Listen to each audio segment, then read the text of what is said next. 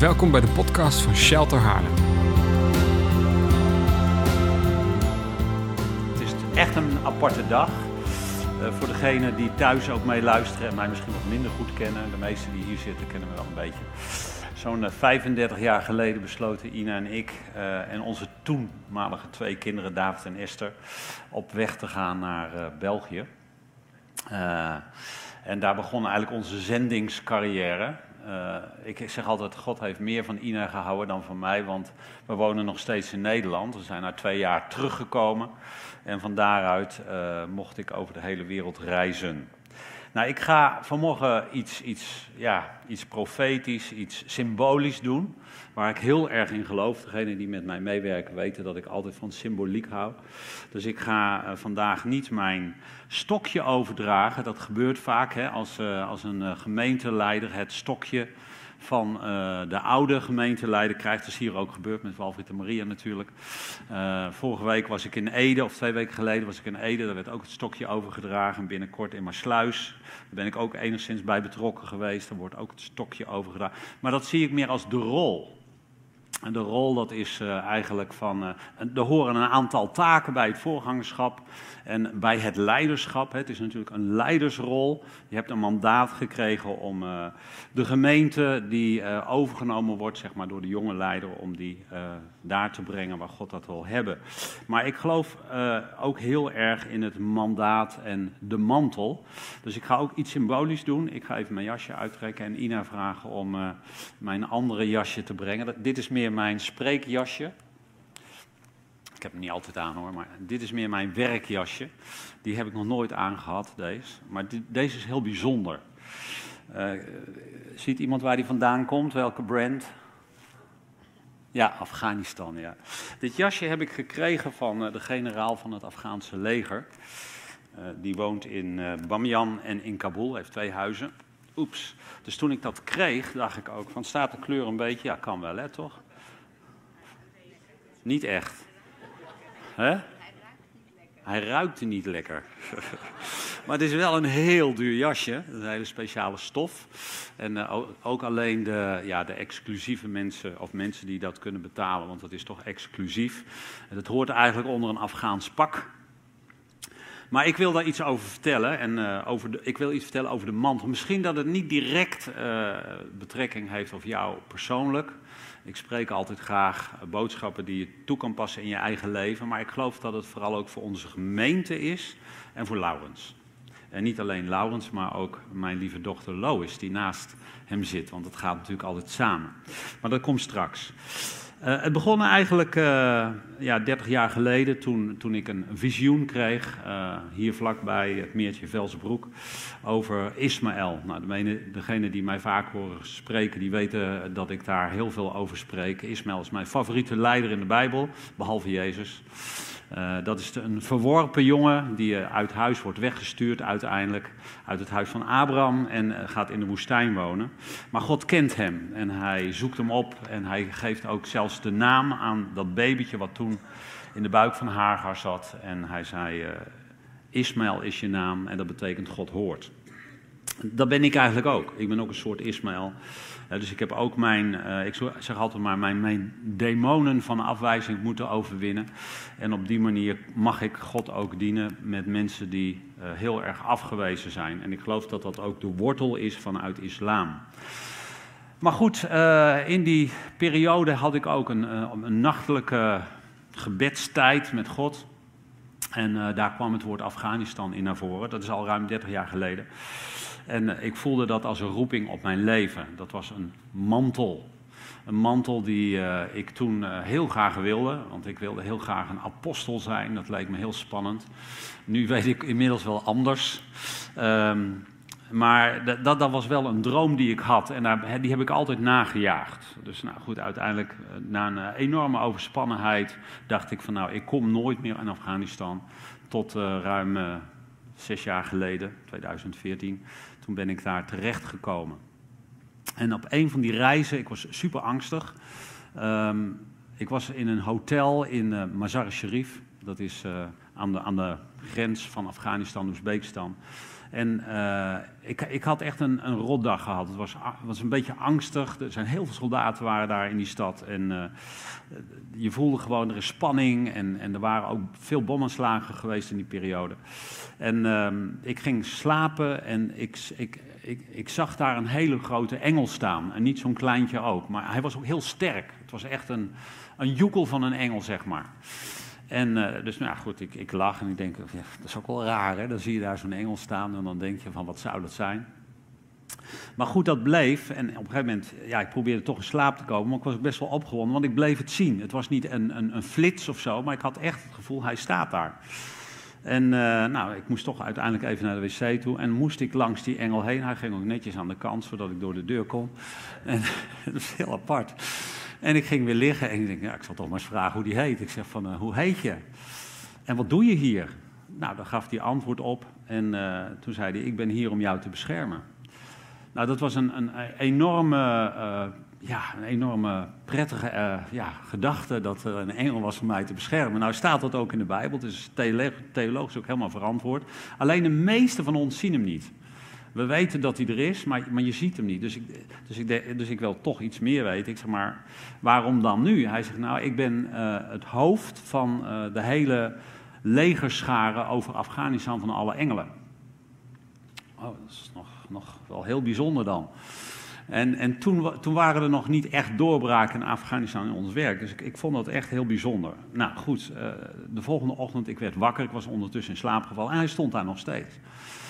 Het was echt, weet je, wauw, god, dit is wel heel bijzonder. Maar goed, ik liep naar het raam toe en ik, ik schrok me in één keer wild. Ik keek zo op de straat en er stonden 13 tanks. Niet, niet echt die hele grote tanks, maar die wat kleinere. En er stonden allemaal zwaar geschut op. Ik denk, wat krijgen we nou dan?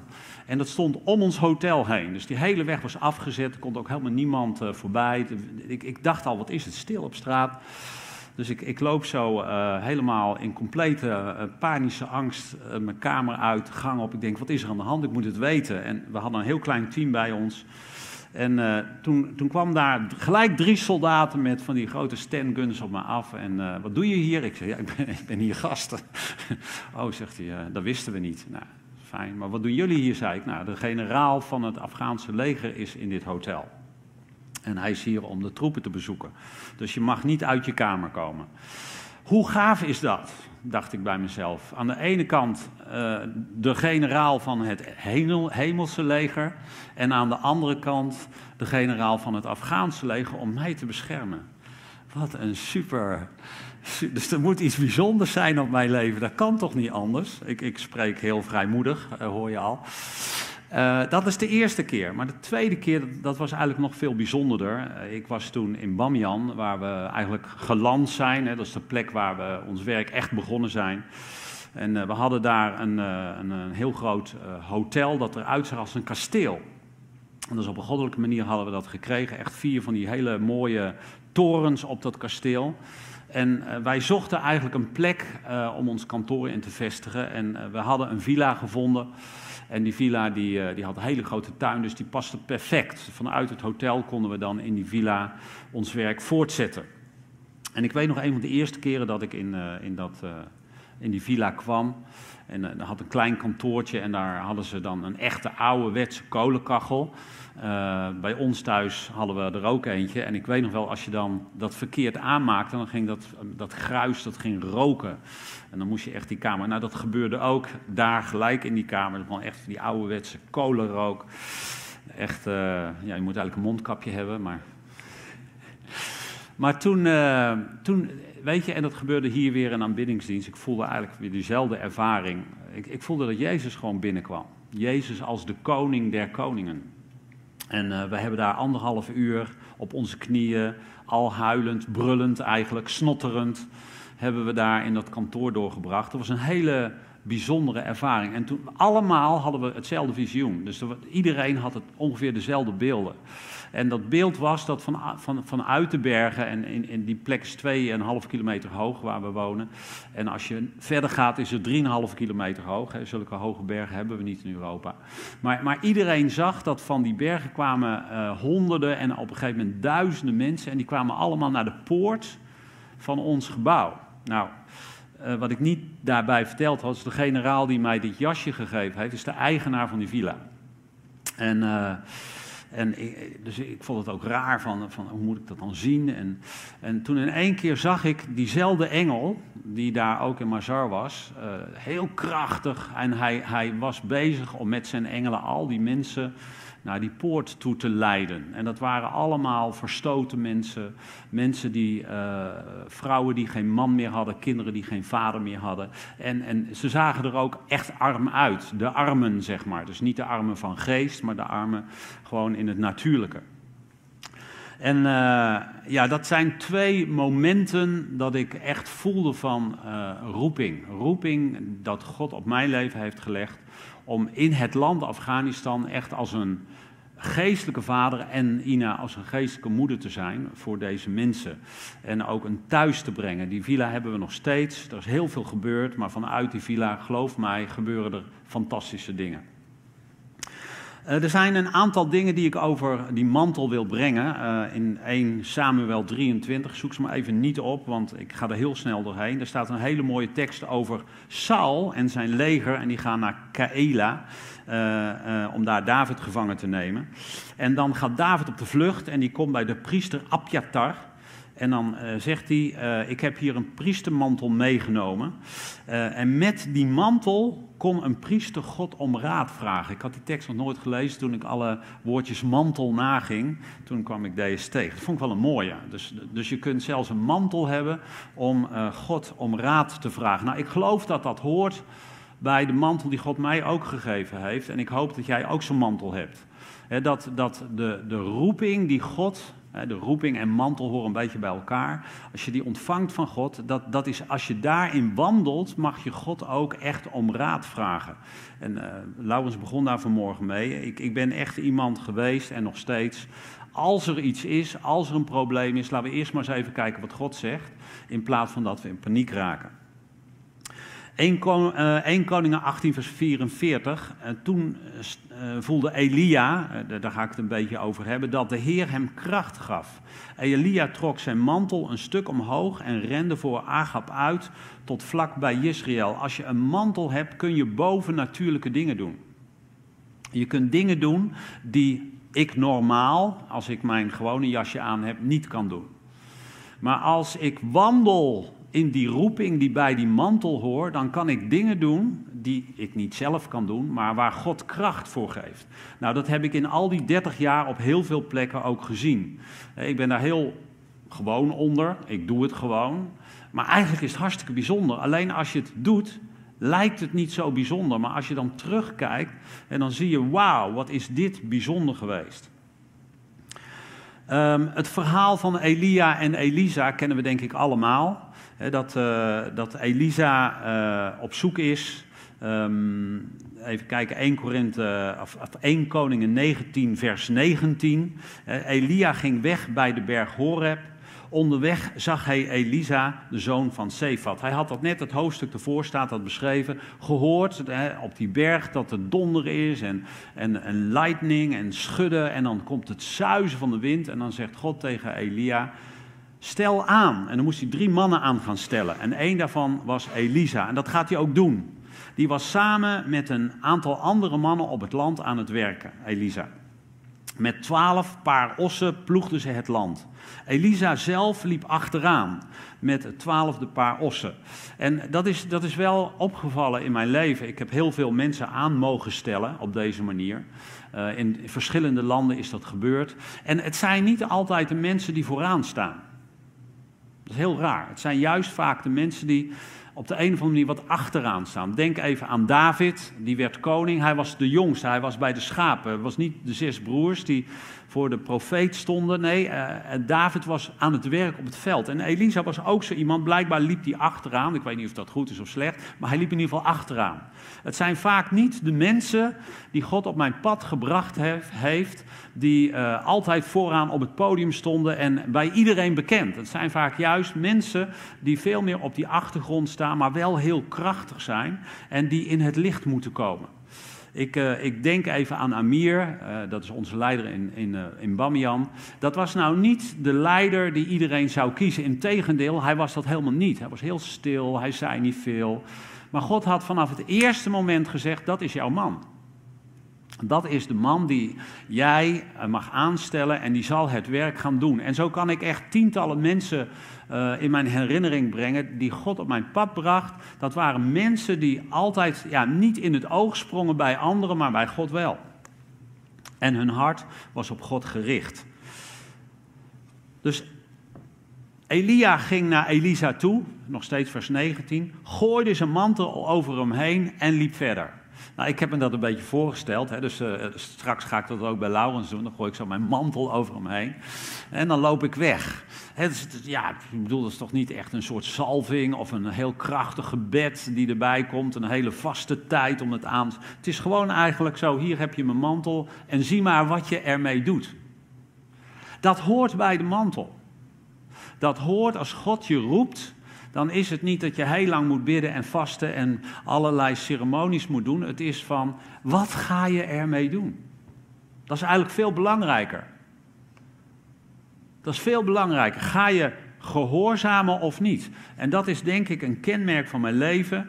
Als ik terugkijk, ik had heel vaak ja, van die ceremonies die, die, die ik natuurlijk meegemaakt heb en waar ik zelf ook bij betrokken geweest ben voor anderen. Dat had ik zelf ook eigenlijk heel graag willen doen, willen hebben. Maar op de een of andere manier is dat nooit zo officieel gebeurd, zo'n soort aanstelling. En ik geloof ook dat die mantel een aanstelling is van de Allerhoogste, dus van God zelf. God kan dat eigenlijk alleen maar doen. Ik kan zelf wel zeggen van nou, het is een symbolisch iets wat we vandaag doen, maar het is uiteindelijk Gods kracht die je moet pakken en moet willen volgen en daar iets mee moeten doen. En ik ga nu bidden, dat was het, het punt dat ik even stil moest zijn. Ik ga bidden voor jullie, maar ook vooral voor de luisteraars thuis. Want ik geloof dat dit ook een dag is voor gemeente Shelter. Ik geloof namelijk dat uh, we hebben vaak over Shelter, een apostolische uh, gemeente willen we zijn. We praten daar ook over, hebben ook diverse mensen in ons midden of die meeluisteren livestream in een ander land dus ik weet dat uh, Assi vaak meeluistert en die zit natuurlijk in een heel ander land. Maar er zijn nog anderen die hier niet in de samenkomst zijn, maar in een ander land werken, die gezonden zijn vanuit deze gemeente. dit is een, soort nest.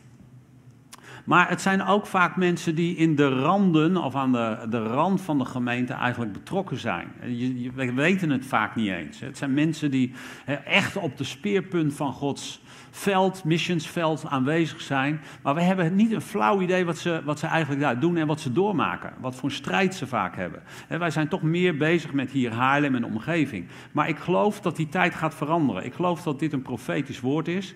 Ik geloof echt dat dit een nest is waar geestelijke vaders, S, en moeders zijn, die krachtige mensen, dat is ook het woord wat God aan Walfried heeft gegeven en aan Maria, om hier krachtige mensen voor te brengen, die in de wereld gaan staan en in de wereld het koninkrijk van God gaan brengen. Wij worden niet een kerk, of wij zijn niet een kerk, moet ik eigenlijk zeggen, voor christenen.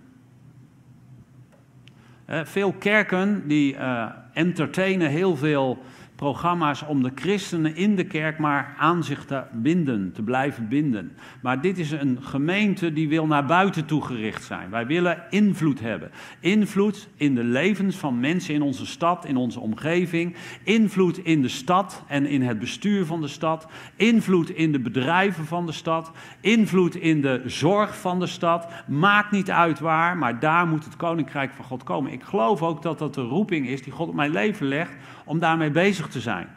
Dus niet meer uh, fijn christen zijn. Nee, juist, wij willen christen zijn die doorbrekend is. Dat is wat een mantel doet. Dat hoort bij die mantel. Je breekt ergens doorheen wat nog niet opengebroken is. En dat is mijn gebed voor deze ochtend. Het is gewoon een simpel gebed. Ik heb het al uitgesproken, dus je kan er niks meer aan veranderen. 2, Korinthe, uh, 2 Koningen 8. Ik heb te veel te vertellen, dus ik moet snel zijn. Het gebeurde nu toen zij overgestoken waren dat Elia tegen Elisa zei: Vraag mij wat ik voor u doen zal, voordat ik u weggenomen word. Elisa zei: Laat mij toch twee delen van uw geest op mij mogen zijn. Ik geloof dat dit de tijd is, niet alleen hier tussen mij en Laurens, maar ik zie dat uh, ook bij mijn andere kinderen, ik zie dat bij andere geestelijke kinderen, ik zie dat ook in de gemeente. Dit is de tijd van het dubbeldeel.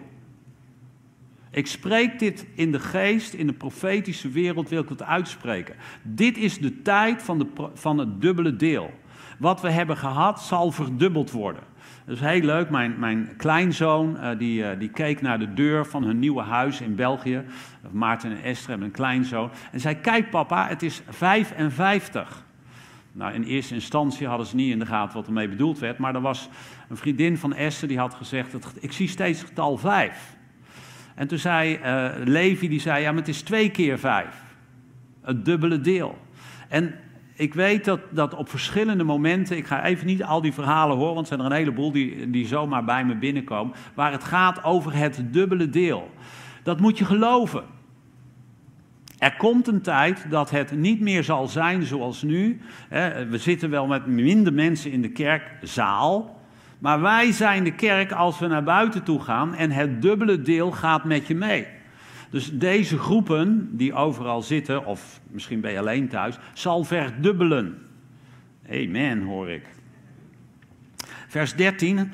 Uh, Elisa pakte de mantel van Elia, die van hem afgevallen was, op, keerde terug en bleef aan de oever van de Jordaan staan. Hij nam de mantel van Elia, die van hem afgevallen was, sloeg op het water en zei: Waar is de Heere, de God van Elia? Kijk, dat is de sleutel. Waar is de Heere, de God van?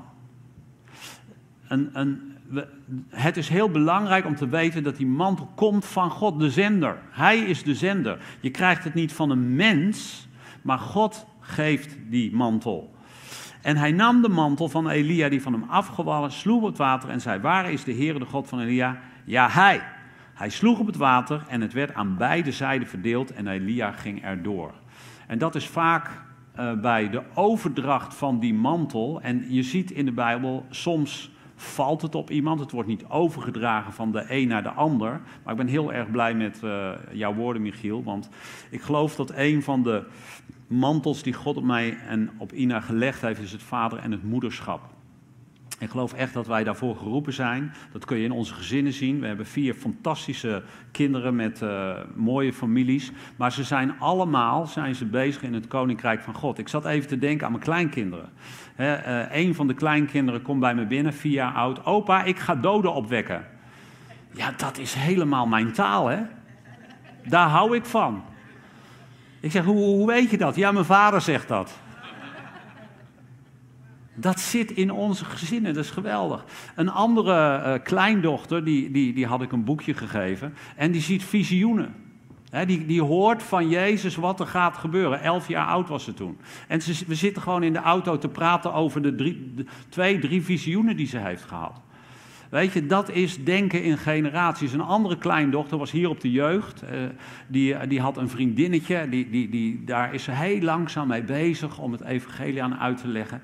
En die was aangeraakt. Dat is ook weer zo'n tekst die we leuk vinden. Aangeraakt door wie? Ja, door de Heilige Geest. Ik moest zo huilen, opa. Het was zo geweldig. En we zaten allebei te trillen en we vielen op de grond. Ja, dat is toch de taal van de familie van Walsum. Daar hou ik van. Als mijn kleinkinderen zo jong al, ik was geloof ik 16 of 18 toen ik voor het eerst iets voelde van God.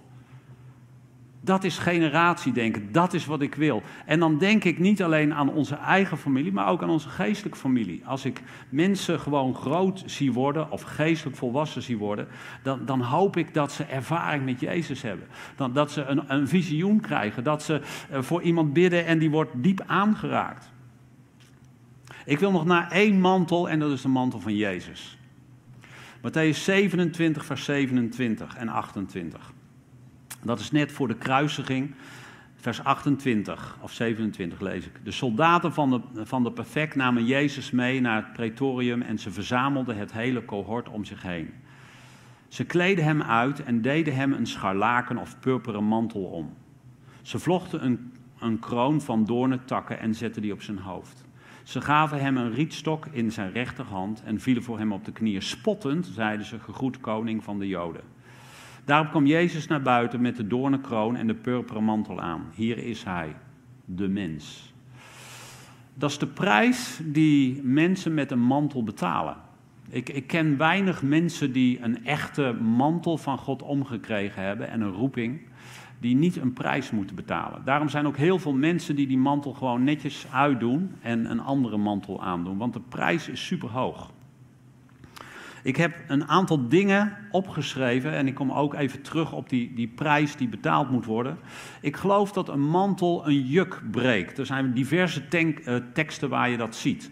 Dus de opdracht die God bij die mantel geeft is vaak voor een hele groep mensen, een stad of een volk. En wat heel belangrijk is dat je het zelf herkent en erkent. Eerst bij jezelf, maar dan ook voor het volk waar je naartoe mag gaan. En, ik, en dat is mijn gebed dat hier mensen luisteren en meekijken op livestream. Dat op dit moment dat je gewoon, dat er een, een, een, zeg maar een gordijn voor je ogen weggetrokken wordt. Een geestelijk gordijn. Dat je gaat zien wat God eigenlijk met je leven van plan is. En dan hoeft dat niet zoals ik te zijn, naar volkeren. Maar dat kan ook naar je buurman zijn. Op je werk. Op je school. Dat er een roeping op je leven is. En dat begint vaak bij het zelf zien waar God je voor roept. Ik weet nog de allereerste keer, ik was toen in Roemenië in de tijd van Ceausescu. Ik had geen flauw idee wie ik eigenlijk was. ik deed wat zendingswerk. Uh, nou, naar Roemenië gaan in de tijd van Ceausescu was best wel heldhaftig, Michiel. dat, dat, dat doe je niet zomaar.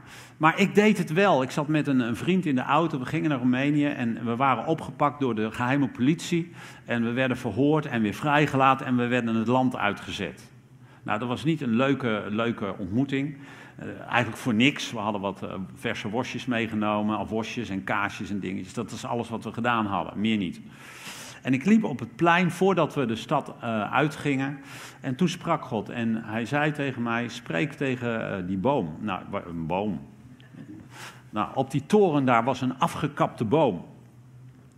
Een wapen van de stad. En er werd een kroon, stond, zat daar op die halve boom. En dus wat, moet ik, wat moet ik daar nou mee doen, heer? Wat is dat nou voor raars? Dus spreek tegen die kroon dat hij van die boom afvalt, zodat de boom weer gaat groeien. Heel simpele opdracht. Kijk, dat is de sleutel van mensen die een mantel hebben.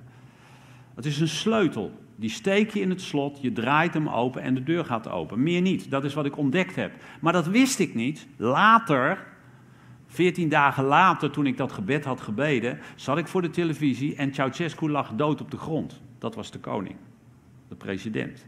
En toen dacht ik, god, dat heb ik toch niet gedaan? Nee, dat heb ik niet gedaan, maar ik heb wel in de geestelijke wereld bewerkt dat dat demonische rijk wat bezit had genomen van die president en vooral van zijn vrouw, die de kerk probeerde uit te moorden. Er zijn verschrikkelijke verhalen over die man te bedenken.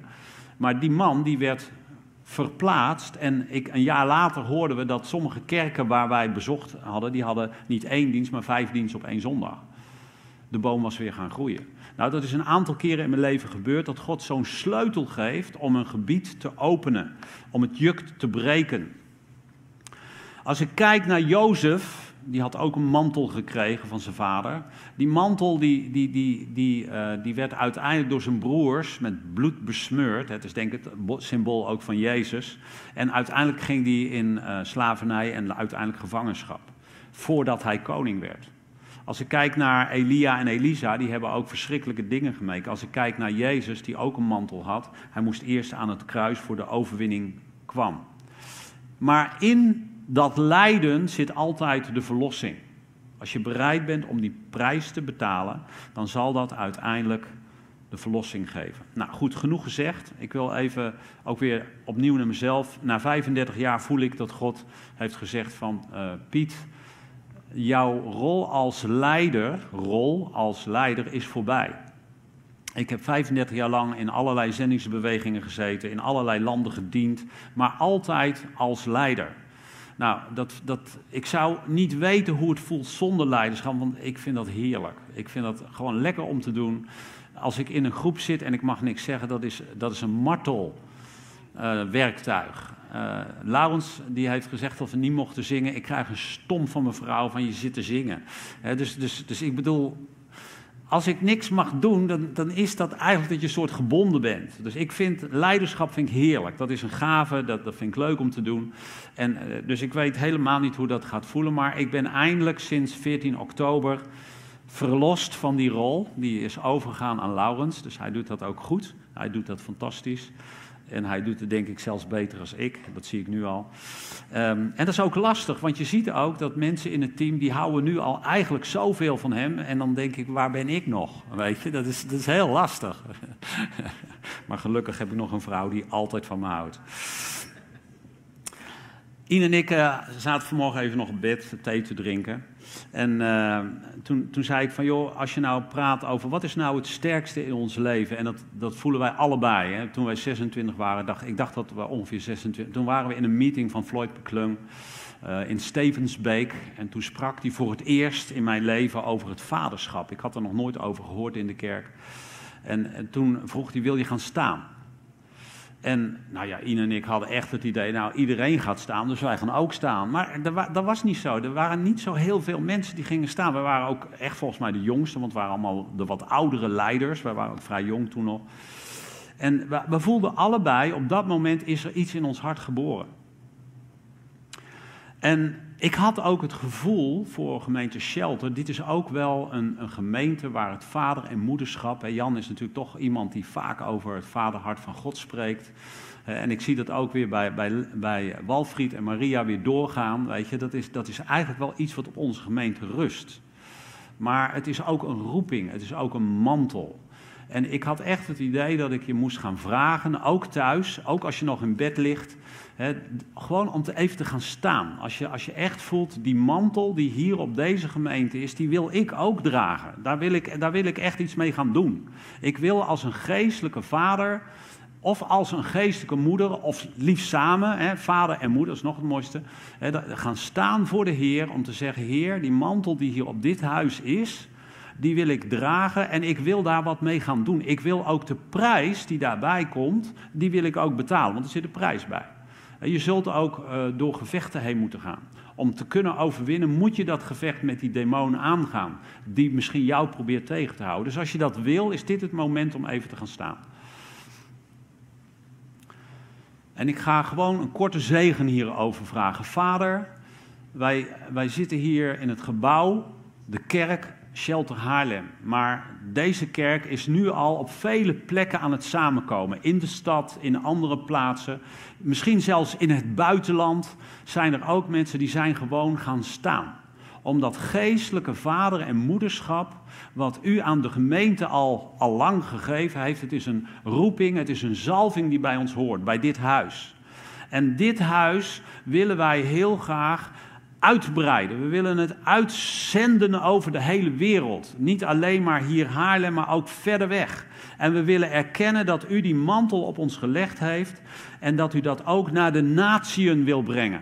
Dat hoort ook zometeen bij Laurens en Lois. Vader, we geloven dat nog andere zendelingen in deze gemeente zijn, die ook als een vader en een moeder zijn van dit huis. Het zijn de kinderen, het zijn de zonen en dochters die volwassen zijn. En we willen erkennen in de geestelijke wereld dat u uw hand gelegd heeft op dit huis. En wat we nu vragen op dit moment is niet alleen de mantel, maar ook de sleutels. De sleutels, dat zijn de door God geïnspireerde woorden die ons helpen om het slot te openen waar de vijand al zo lang recht op heeft waardoor mensen gebonden zijn in kettingen, waardoor ze niet vrij kunnen worden. En wij bidden dat iedereen die hier staat en thuis of waar je ook bent, misschien op de fiets zelfs, dat je gewoon een sleutel krijgt, dat je een door God geïnspireerd woord krijgt. Dat je een woord krijgt wat vanuit de hemel komt. Wat hier op aarde sloten zal openen. Waardoor mensen in één keer in een vrijheid komen die ze nog nooit beleefd hebben. En ik voelde in de aanbidding dat Jezus hier als koning is. Hij is de koning van het koninkrijk van God. Dat is een sleutel die God jou mee wil nemen. De, de, ja, de, hoe moet ik zeggen, de theorie wou ik bijna zeggen. De theorie, maar de, het, de leer van het koninkrijk van God. Wat we ook in onze gemeente kennen. Is de sleutel tot mensen op jouw werk die gevangen zitten. En jij krijgt die sleutel om het slot te openen in Jezus' naam. Wees gezegend. Amen. Dus het eerste is vadermoederschap, het tweede is natieën. Ik geloof dat, ik, wij, Ina en ik zijn eigenlijk eerlijk gezegd naar deze gemeente gekomen omdat Jan Pol hier voorganger was. En we kwamen eigenlijk niet uh, naar Jan Pol als voorganger. Maar Jaap Dieleman, een vriend van ons, die zei, je moet naar Jan Pol toe. En wij zeiden, waarom moeten wij naar Jan Pol toe? Nou, Jan Pol die is geroepen door de Heer om naar Afghanistan te gaan. Dat heeft hij nog steeds niet gedaan. Dat komt niet omdat hij bang is om met Afghanen te praten, maar bang om in een vliegtuig te stappen. En vooral die hele kleintjes die over die hele hoge bergen heen en weer gaan. Maar er is hoop, want de angsten zijn overwonnen. Dus deze angst waarschijnlijk ook. En anders nemen we Walfried mee. Hè, Maria? Ik zie dat Maria ja knikt. Maar hier is een hart in de gemeente. Voordat wij kwamen had inderdaad Jan al een woord gehad. En Marijke, vergeet ik te zeggen, voor de Arabische en de, de uh, Afghaanse wereld. Ashley McCookon, die kende mij helemaal niet. En die, die wist totaal niet waar ik mee bezig was. We zaten daarvoor en hij had drie profetieën. Eentje voor Jan, één voor mij en één voor Lois. Lois zou saxofoon gaan uh, uh, spelen. En toen had ze net die week een saxofoon gekocht. Dus toen wist ik van, nou, die man die weet wel dat hij kan profiteren. En toen begon hij dus over dat wij in deze gemeente, Jan en ik, een soort alliantie zouden maken om in, om in de wereld het boodschap van het vader- en moederschap te brengen. Ik heb dat netjes bewaard, een van de weinige profetieën die voor mij heel erg belangrijk zijn. Omdat ik gewoon geloof dat we vanuit dit huis gezonden zijn, Ina en ik. We zijn echt gezonden, we, voelen ons ondersteund. En ik heb wel het idee dat de meeste mensen denken dat we wat vreemd zijn om naar zo'n land te gaan. Dat we ons hoofd hierboven misschien niet helemaal op orde hebben. Maar we doen het gewoon. Of jullie dat nou goed vinden of niet. Want we geloven dat de Heer gezonden heeft. Ik weet nog toen ik tegen Jan zei, Jan Pol, die was toen nog mijn voorganger. Ik zei van, ik kom niet toestemming vragen om naar Afghanistan te staan. Maar ik zou graag je zegen willen, want ik ga sowieso. Vroeger deed ik dat niet, toen was ik rebels en toen moest ik leren luisteren van de Heer. Maar nu had ik mijn rebelse haren afgeknipt en nu wist ik van ik moet gewoon naar de Heer luisteren en ik ga gewoon. Dus dat hebben we gedaan. En Jan heeft ons gelukkig namens de gemeente gezegend. Er komt nog één punt en dat is, daar rond ik mee af. En dat is, uh, dat weten de meesten niet van, van Ina en mij, maar wij, wij zijn uh, mensen, wij hebben bewegingen in gang gezet. In de wereld zijn hele grote discipelschapsbewegingen gaande. De meesten kennen dat niet, staat vaak niet in het nieuws. Misschien weet je iets van de ondergrondse kerk in China. Hè, dat is een zeer snel groeiende beweging. Nou, die bewegingen zijn op heel veel plekken in de wereld. Komen meestal niet in het nieuws, want ze zijn vaak ondergronds. Maar als ik kijk naar de vrucht van ons werk, we hebben zeven discipelschapsbewegingen op gang gezet. Alleen niet in Nederland. Daar bedoel ik dus mee dat een gemeente discipelen voortbrengt, die weer discipelen voorbrengen, die weer andere discipelen voorbrengen. En dan niet een paar, maar dat de gemeente na één of twee of drie jaar gewoon echt uit zijn voegen barst. Of dat ze eigenlijk gewoon niet meer in het gebouw passen en dat ze gewoon andere locaties moeten zoeken. En dat ze dan van die locaties weer naar andere locaties gaan. Dat is wat ik bedoel, dat is een beweging. En ik geloof dat de tijd voor Nederland is gekomen om ook in Nederland dit soort bewegingen te zien. Ik geloof niet dat het alleen maar is voor de landen waar het moeilijk is. Bedoel ik dan even gezien militair of dus dat het verboden is, want wij hebben een vrij land. Maar ik geloof dat dat hier ook nodig is. En dan kom ik eigenlijk bij het laatste over de mantel. Als je een mantel van God krijgt, dat brengt altijd conflict. In jezelf. Waarom? Een mantel dwingt mensen om een keuze te maken. Als Jezus ergens kwam, of Elia of Jozef, dan gooide die mantel uit en dan zei volg. Meer niet. Dus er komt een conflict in jezelf. Ik heb ook dat soort mensen in mijn leven gehad die eigenlijk door hun prediking of door hun coaching tegen mij zeiden van, nou het is aan jou, ik heb verteld wat je moet doen, nou moet jij beslissen.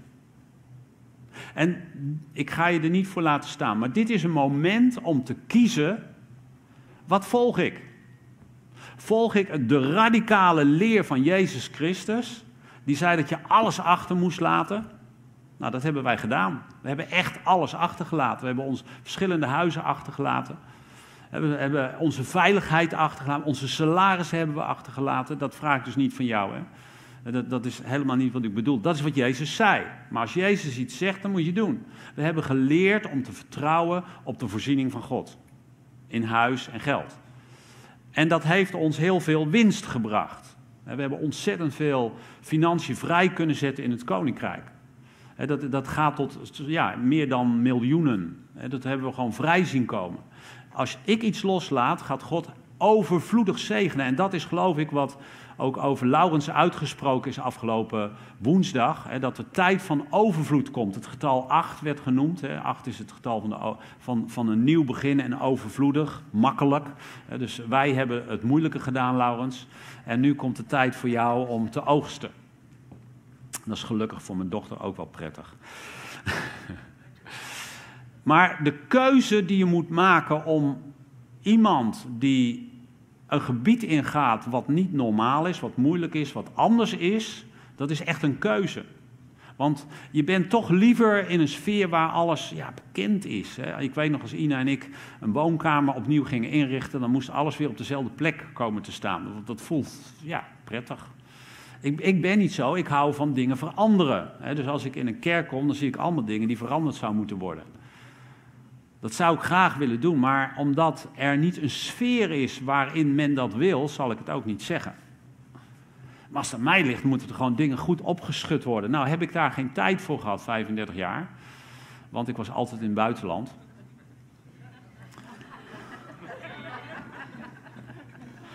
En gelukkig heb ik een profeet in mijn leven, Walfried, die zei van Piet, jouw tijd voor Nederland komt nu.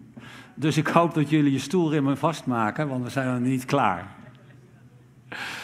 Nou, het is een beetje grappig uh, gezegd, maar ik bedoel het heel serieus. Ik, ik geloof echt dat Nederland door de corona, en, en niet alleen Shelter, maar ik geloof echt dat er een, een, nieuwe tijd gaat komen. De kerk gaat er niet meer uitzien zoals die er nu uitziet, of eruit zag. Gaat heel anders worden en het wordt een kerk waar beweging in komt. Waar we invloed in de maatschappij zullen hebben, invloed in de gezinnen, invloed in de bedrijven, invloed in de scholen. Invloed in de stad, in de politiek, dat is gewoon mijn wens en mijn droom. En dat is wat ik echt wil gaan zien gebeuren. En daar ga ik me ook voor inzetten. Maar niet meer als leider, dat is echt gewoon ontzettend prettig. Ik hoef niet meer te zorgen voor de inkomsten. Dat is heerlijk. Nou, Laurens, zou je even naar voren willen komen? Want ik zou het fijn vinden om deze jas symbolisch aan jou te geven. Vind je dat goed, William? William?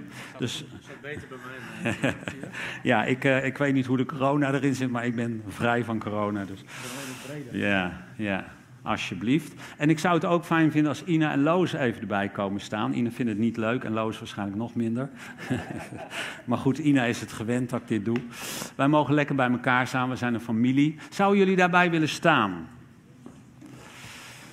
Want uh, zonder uh, deze geweldige vrouw, uh, dit mooie verhaal, weet je, zij heeft het lijden gezien, maar ook zelf gevoeld en ervaren en meegemaakt. Maar Loos heeft natuurlijk ook veel gezien als mijn dochter. Zij heeft gezien hoe wij met vallen en opstaan de wereld ingetrokken zijn, met ook de prijs die zij moesten betalen. Dus gelukkig weet ze het al een beetje.